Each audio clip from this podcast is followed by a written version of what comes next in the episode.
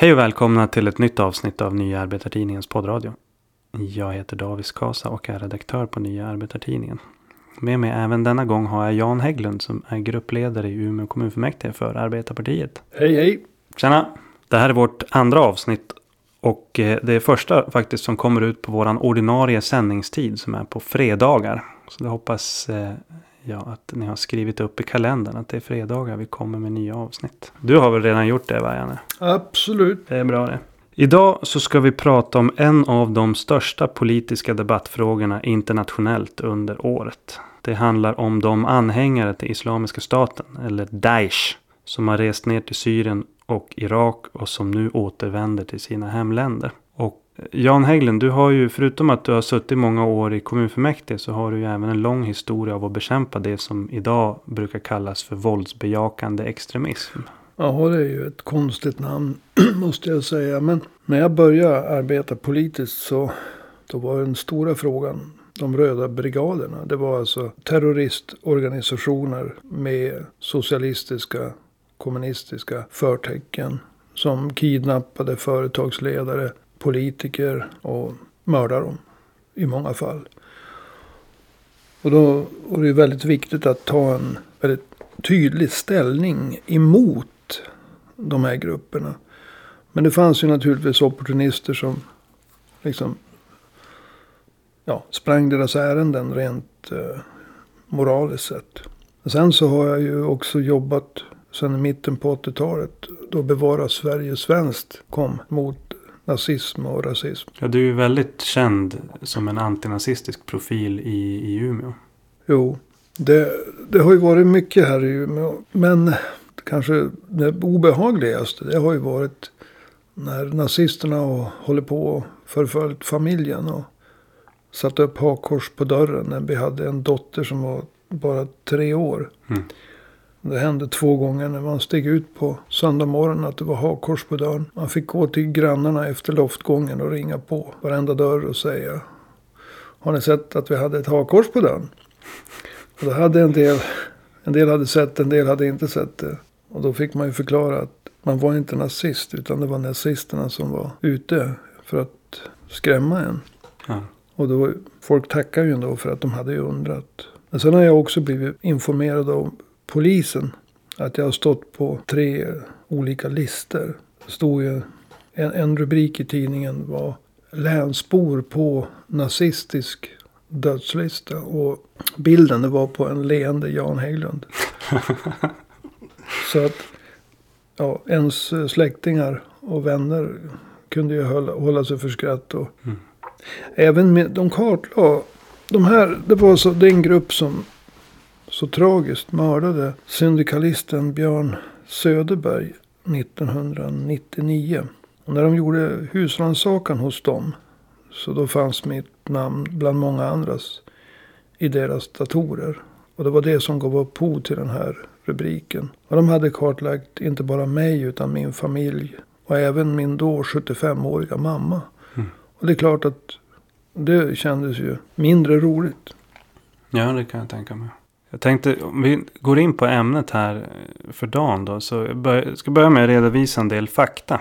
Eh, Sverige är ju det land inom EU eh, näst efter Belgien som har haft flest medborgare som har rest ner för att ansluta sig till Islamiska staten eller liknande grupper.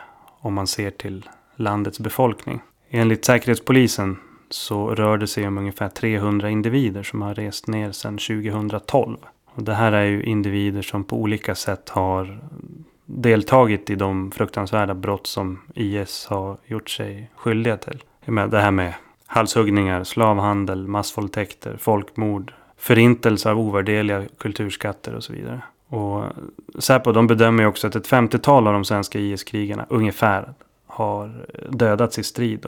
Och ungefär 150 har redan återvänt till Sverige. Så de resterande 100 det är alltså sådana som fortfarande fanns kvar då IS kalifat föll. Och många av dem sitter ju fängslade hos kurdiska styrkor. Och det som har varit knäckfrågan ända sedan IS-anhängare började återvända till Sverige är ju vad som ska hända med dem och hur de ska ställas till svars för sina brott. Och vi kan ju börja med Jan, om du skulle kunna berätta hur många av de 150 som har återvänt från IS som har ställts inför rätta i Sverige?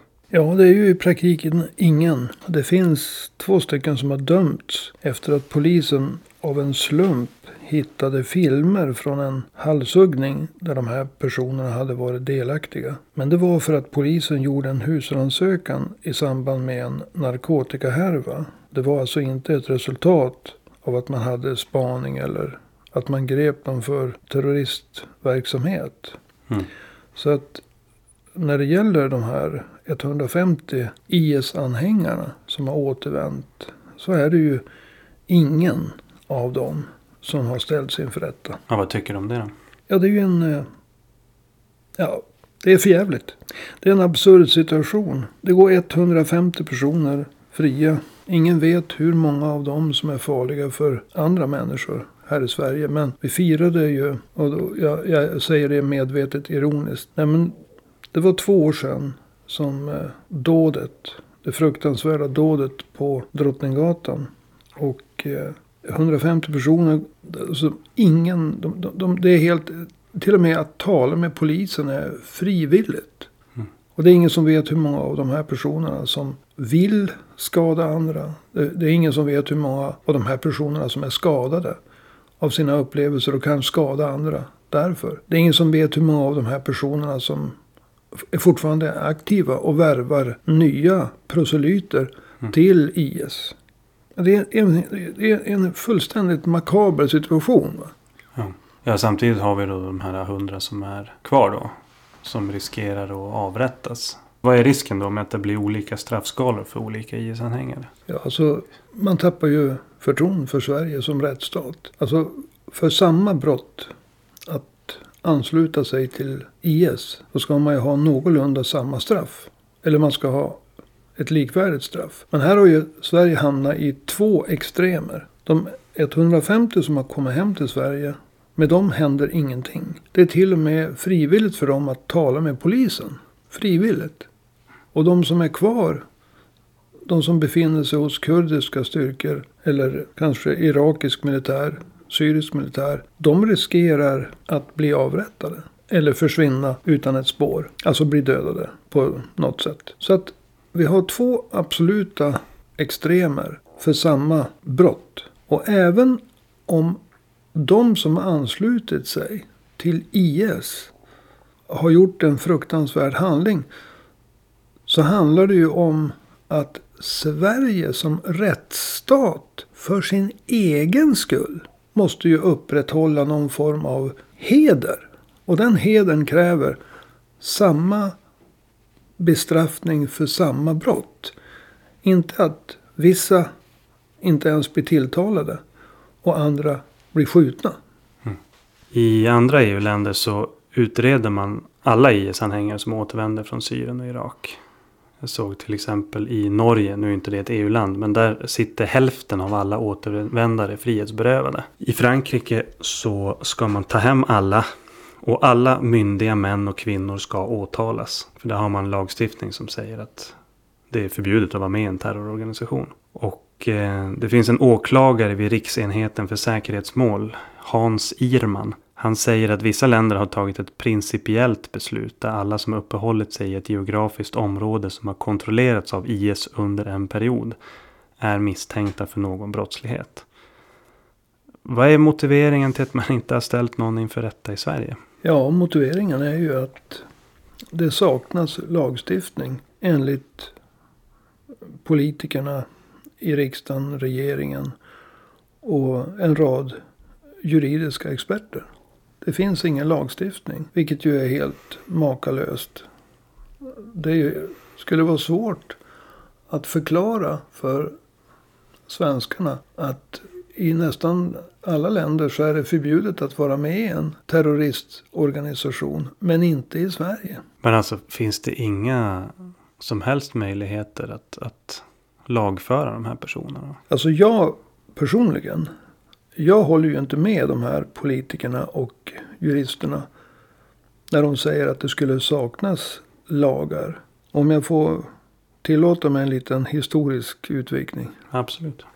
Ja, alltså om vi utgår ifrån den lagstiftning som fanns. Som Nürnbergrättegångarna baserades på. Alltså då man ställde de nazistiska krigsförbrytarna inför rätta.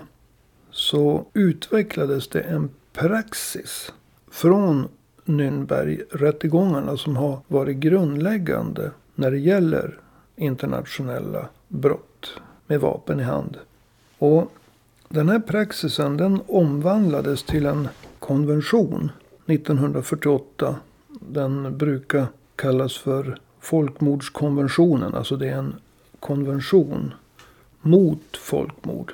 Och den här arbetades i sin tur in i den svenska lagstiftningen 1964. Och eh, den uppdaterades så sent som 2014. Det var också den här, det låter ju lite makabert, men folkmordskonventionen från 48. Som låg till grund för de två rättegångarna för folk mot förbrytare i samband med folkmorden i Jugoslavien 1993 och Rwanda 1994. Det är den ena man säger, tråden. Men den här praxisen och eh, konventionen från 48. Den har också lett till att man har inrättat en internationell brottmålsdomstol i Haag. Den förkortas väl ICC. Och jag menar att i och med att Sverige har anslutit sig till den här folkmordskonventionen från 48 och inarbetat det här i svensk lag. Så har alltså Sverige förbundit sig att för, förebygga och bestraffa folkmord och andra brott mot mänskligheten.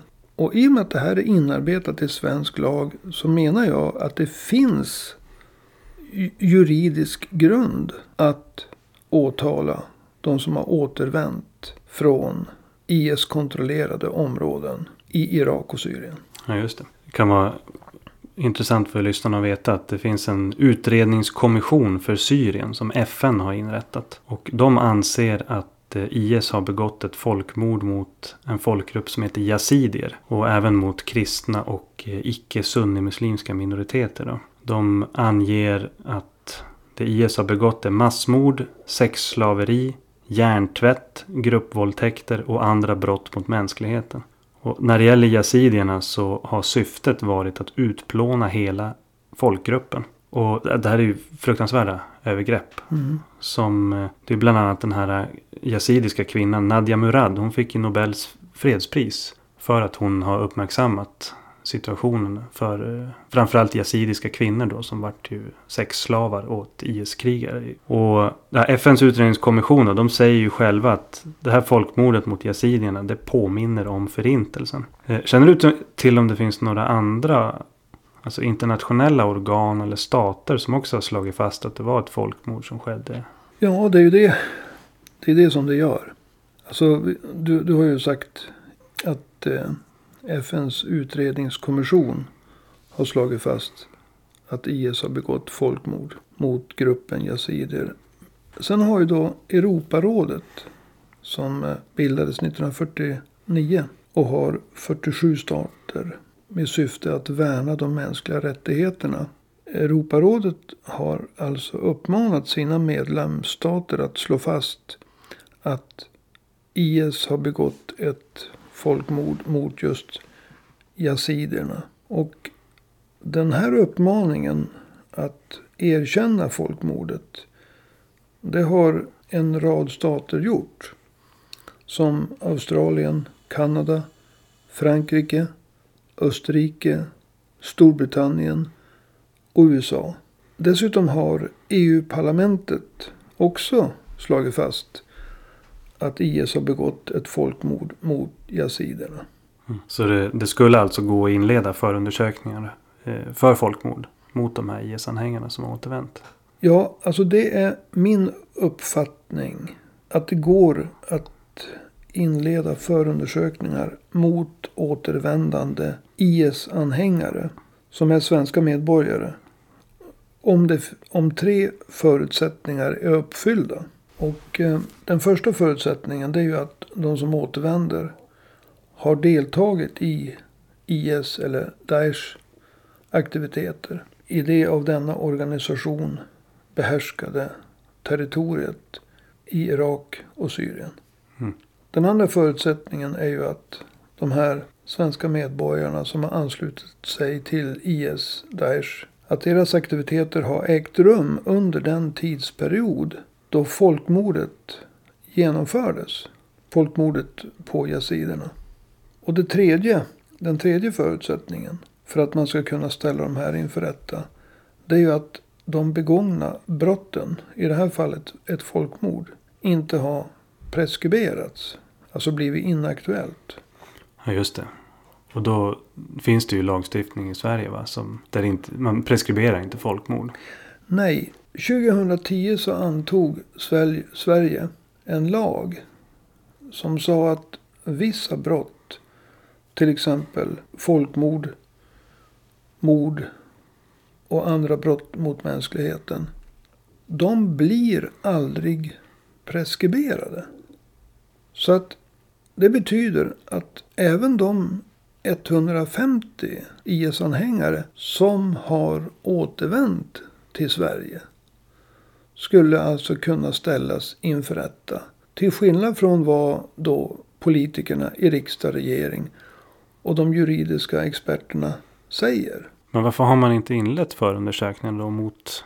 Alltså om, om folkmord då mot de 150 som har återvänt? Ja, och här kommer ju då den mest makabra saken.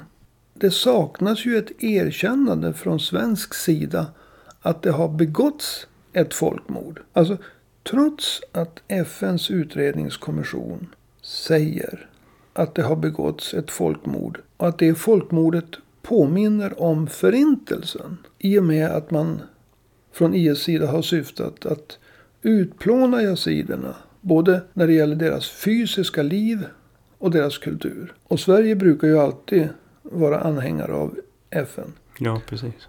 Och trots då Europarådets uppmaning att erkänna att det är ett folkmord. Så har Sverige gång på gång när det har kommit motioner i riksdagen som har krävt att Sverige ska erkänna folkmordet på yaziderna och även på andra grupper. Kristna minoriteter och icke-sunnitiska minoriteter. Så har man sagt nej mm. i riksdagen. En majoritet. Och därmed finns inte det sista kriteriet uppfyllt. Sverige har inte erkänt folkmordet. Men alltså jag menar att så, så fort Sverige erkänner att yaziderna har blivit utsatta för ett folkmord. Då finns en juridisk eh, möjlighet att ställa de IS-anhängare som har anslutit sig till IS i Irak och Syrien inför rätta. Och det gäller även de som har kommit hem. Eftersom folkmord inte preskriberas. Du vet, jag har ju mejlat UD om det här. Eh, Utrikesdepartementet. Mm -hmm. De tog eh, lång tid på sig att eh, svara. Men jag fick ett svar till sist. De skriver Hej, du har begärt att få ta del av allmän handling som innehåller beslut att erkänna eller inte erkänna folkmord begått av Daesh. Ingen allmän handling som motsvarar din begäran finns, bla bla bla bla bla. Sen, sen har de då en kommentar. Och då skriver de bland annat eh, följande då. Det viktiga är inte hur vi exakt kategoriserar de övergrepp som skett. Utan det är vad vi faktiskt gör för de utsatta. Vad tänker du spontant om det? Ja, jag har ju slut på ordförråd. Nej men alltså. Det här är ju en. Det är ju, det är ju knappt som man tror det. Naturligtvis så ska man stötta de, de utsatta. Men om de inte har huvudet kvar. Om de är skjutna och nedgrävda. Så brukar vi anse att de skyldiga mördarna det här är massmördare vi pratar om. Ska ställas inför rätta. Och med den där argumentationen som du har fått från UD. Så säger man. Vi behöver inte ställa någon inför rätta. Därför att vi ska hjälpa offren. Men om offren är döda. Då återstår det att ställa mördarna inför rätta. Men dessutom finns det en annan väldigt viktig sak. Och det är att de offer som har överlevt. Deras läkningsprocess underlättas om samhället backar upp dem genom att bestraffa de som exempelvis har utsatt dem för våldtäkter. Jo. Så det där är ju ett fullständigt makabert exempel på svensk feghet. Det är ofattbart. Ja. UD talar ju också om att det internationella samfundet har ett ansvar för att ansvariga ställs till svars. Och eh, det är ju som ett eko då av att eh, Stefan Löfven har förordat att en internationell tribunal ska upprättas för IS-terrorister. Vad tycker du om eh, det förslaget? Ja, alltså. Den som bara säger internationell tribunal rakt ut i luften. Riskerar ju inte att bli emotsagd. Vem är emot en inter internationell tribunal i allmänhet? Men i det här fallet. Så pratar ju till exempel Stefan Löfven om en internationell tribunal istället för att Sverige utnyttjar den lagstiftning som Sverige har. Därför att när man inte utnyttjar den möjlighet som Sverige har. Som jag förklarat varför jag anser att Sverige har den.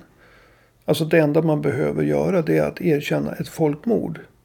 På yaziderna. Som både FN och Europarådet anser har begåtts. När man då väljer man ju att prata om en internationell tribunal. För att den är ofarlig. En internationell tribunal den kan kanske komma igång om sju år. Och då har inte bara de här 150 fått vandra omkring. De som redan har återvänt i sju år. Och kanske åstadkommit negativa saker för samhället. Utan det kanske har återvänt hundra ytterligare. Så att när man pratar på det här sättet.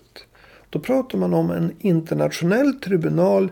Till skillnad från att ställa folk inför rätta. Mm. Ja, det är ju många som tycker att det är helt häpnadsväckande. Att Sverige är oförmögna att ställa återvändande IS-anhängare inför rätta. Alltså inte minst internationellt. Jag minns jag såg ett avsnitt av Uppdrag granskning som de sände för ett par år sedan. Där de hade en engelsk professor som Alltså man såg att han, han trodde ju inte sina öron. När han hörde att Sverige bara låter de här gå, gå, gå fria. Alltså vad tror du? Alltså om vi tar en sista fråga här. Vad, vad tror du den här fegheten beror på? Ja, man kan ju tro. Och man kan ju tro starkt. Och min uppfattning. Den är att Sverige vågar inte ställa de här återvändande IS-anhängarna inför rätta. Av det skälet att det var många, många fler som stödde och som stöder IS. Än som åkte ner och anslöt sig till IS. Och de här personerna, de finns utspridda överallt i samhället. Och skulle man ställa de här personerna som har anslutit sig till IS inför rätta. Så kommer det att skapa väldiga spänningar i samhället. Många personer som till exempel sympatiserar med islamistiska organisationer. De skulle agera negativt. De ska reagera negativt. Det skulle skapa spänningar till exempel inom det socialdemokratiska partiet. Inom Miljöpartiet. Det är två regeringspartier. Det kanske skulle skapa spänningar inom andra partier. Hur menar du att det skulle skapa spänningar inom de partierna? Alltså det finns ju islamister inom Miljöpartiet. Vi hade en, en minister som hette Mehmet Kaplan. Han var islamist. Islamister är i princip för åt att man upprättar ett kalifat. Det handlar om ifall man muslimska brödraskapet vill att det ska ske lite på sikt. IS ansåg att det skulle ske här och nu och de utropade det. Men det finns många, många fler IS-anhängare än de som åkte ner. Och det finns ännu fler som inte är IS-anhängare som anser att man ska upprätta ett kalifat. Och de fick, finns spridda i partier, de finns spridda, spridda i studieförbund. De fick, finns spridda i stort sett överallt. Och det skulle skapa väldiga spänningar. För att om man ställer dem inför rätta tvingas all, an, alla ta ställning för eller emot. Och det skulle skapa splittring. Inom partier och inom organisationer. Och i Sverige är man så feg. Att man vågar helt enkelt inte ta den konflikt som skulle uppstå. Det är min uppfattning om varför det här... Alltså varför det, det saknas en rejäl lagstiftning. Eh, alltså, och som du sa. I till exempel England, i andra länder. De tror inte att det är möjligt. Att Sverige kan vara så avväpnat. Alltså, tänk att gå ut dagen efter terrordådet på Drottninggatan och förklara att i stort sett de flesta länder i Europa, där är det förbjudet att vara med i en terrororganisation. Men inte i Sverige. Alltså varför? Det kommer aldrig gå att förklara för vanligt folk. Det, det, är, det är inte acceptabelt. Och det är därför som jag har varit med om att försöka visa en väg. En, en svensk juridisk väg. För att ställa IS-anhängarna. Som faktiskt anslöt sig till Daesh där nere i Irak och Syrien inför rätta. Vi har en skyldighet att göra det i Sverige. Mot andra länder, mot offren och mot personer som kan komma till skada framöver. Mm. Ja, vi måste börja avrunda. Jag tycker det där blir ganska bra slutord från dig, Jan Hägglund. Tack. Vi kommer nog anledning att återkomma även till den här politiska fegheten. Där det är ju en devis på din blogg. Att du bekämpar den politiska fegheten. Ja, det stämmer. Så att eh, det får vi återkomma till. När det gäller det här ämnet, alltså det är ju upprörande. Alltså kanske framför allt på grund av den flathet som de styrande politikerna visar i, i Sverige. Men eh, det går liksom inte att sticka huvudet i sanden när det gäller det här. Och hoppas att det kommer bli bättre i framtiden. Särskilt inte med 150 IS-anhängare springande fria. Det är ju ett recept för att det tvärtom kommer bli sämre. Dessutom så säger ju Säpo att det finns uppåt 2000 så kallade våldsbejakande islamister i Sverige. Det som, som eh, du Jan nämnde med att det finns en, en bredare krets i, i samhället. Va? Så att jag skulle vilja avsluta med att vända mig till, till dig som lyssnar och, och be dig att göra två stycken saker. Nummer ett, jag vill att du sprider det här budskapet vidare. Fler måste få reda på att det kan vara möjligt att ställa de här IS-anhängarna inför rätta. Om Sverige erkänner folkmordet på yazidierna. Så dela den här podden med vänner, bekanta, arbetskamrater. Och du kan också gå in på arbetartidningen.se och dela de artiklar som jag har skrivit om det här också. Det andra som jag vill be dig göra det är att skriva på en webbaserad namninsamling som kräver att återvändande IS-anhängare ska ställas inför rätta. Den här namninsamlingen är startad av en privatperson som under en längre tid har engagerat sig i de här frågorna. Och när jag var in och kollade innan vi påbörjade inspelningen här så var det över 19 000 som hade skrivit på den här insamlingen. Och jag tycker att det här är ett typexempel på ett väldigt insiktsfullt gräsrotsinitiativ. Och jag ber verkligen alla som lyssnar att gå in och skriva på och sprida namninsamlingen. Och det finns en länk på arbetartidningen.se om du vill komma åt den enkelt. Så alltså sprid podden och gå in och skriv på namninsamlingen. Till sist vill jag säga att om du gillade innehållet i podden så kommer du även att gilla vad vi skriver i Nya Arbetartidningen. Du kan ta del av det skrivna materialet på arbetartidningen.se. Där kan du även teckna dig för en prenumeration på tidningen. Kostar 30 kronor i månaden. Vi strävar efter att skapa en daglig nyhetskälla med både kortare arbetsplatsrapporter och längre analyser som den idag. Då. Men för att kunna bli det så behöver vi ditt stöd. Dels i form av att vi vill ha in arbetsplatsrapporter. Om det finns någonting som du har gått omkring och irriterat dig på eller blivit arg över på jobbet. Alltså tveka inte att skriva ner det och skicka in till oss. Och oroa dig inte över att om det skulle vara stavfel eller liknande. Det är sånt som vi kan putsa till efteråt. Det viktiga är att vi får in det. Och du får även komma in med tips om du känner att du inte vill skriva någonting. Sen behöver vi också ekonomiskt stöd.